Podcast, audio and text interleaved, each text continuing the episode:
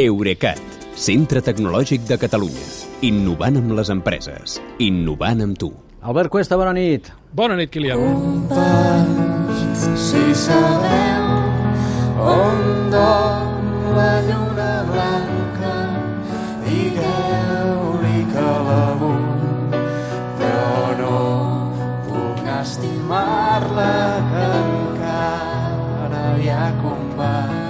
Ens quedaríem aquí i, Albert, potser no diríem gaires coses, però hem d'explicar-ho això. Estem escoltant Sí. un fragment del concert que Lluís Llach va fer el 18 de desembre, del 18 de desembre passat al Palau Sant Jordi de Barcelona, a benefici del debat constituent. Sí.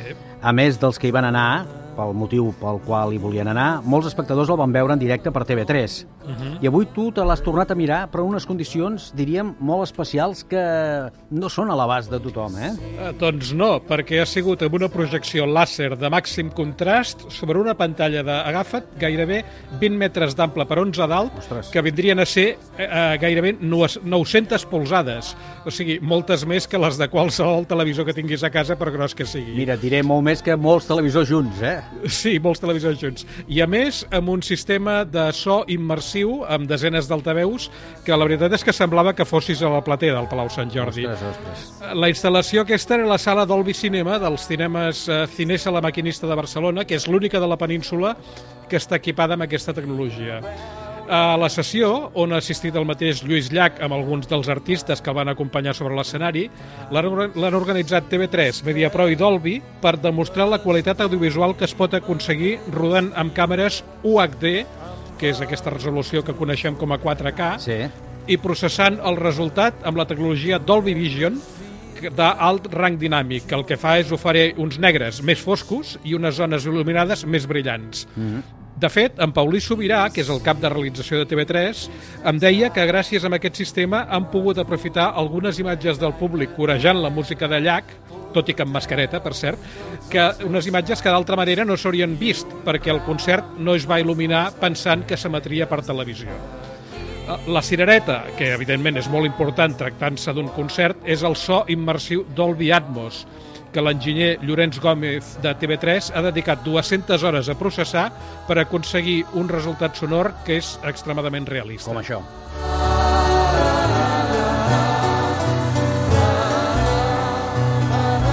Que és cert que ens han de fer la idea, perquè aquí nosaltres no tenim aquesta tecnologia i encara no podem escoltar-ho com ho has escoltat tu.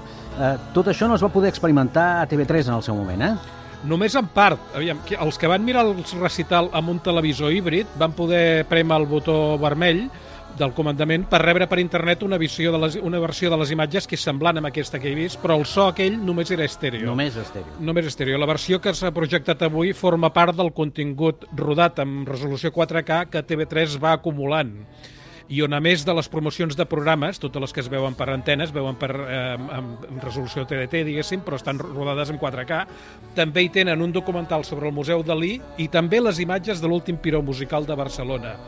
Eh, està previst que aquesta programació d'alta qualitat es pugui mirar en un apartat específic de la web de TV3, però quan tindrà la màxima difusió és quan eh, es renovi el servei TV3 a la carta amb, per posar-lo a l'alçada de les plataformes comercials de streaming. Doncs atenció, senyores i senyors, que la setmana que ve TV3 ampliarà aquesta videoteca 4K amb so immersiu, amb les imatges d'això. Pressure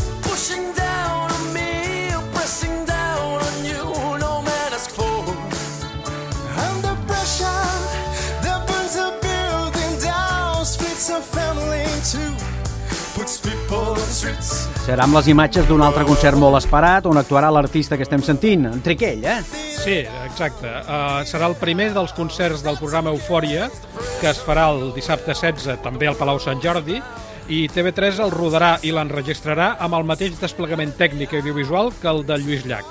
Uh, com que no s'emetrà en directe, haurem d'estar pendents de l'emissió posterior, que segur serà per televisió híbrida, però també, i per què no, podrien ser projeccions de l'espectacle amb sales de cinema, com ja es fa amb altres espectacles, com l'òpera, per exemple. Mm -hmm. Oh, l'òpera. També ha de ser fantàstica sentir-la així, eh? eh? Nous temps, nous formats, noves finestres de difusió i el nostre so de sempre vinculat a l'Albert Cuesta i la seva veu que ens ho explica tot. Gràcies i molt bona nit. Bona nit, Kilian. Fins demà.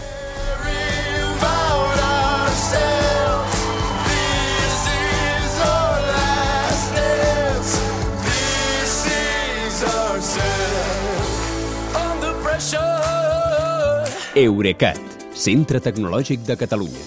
Innovant amb les empreses. Innovant amb tu.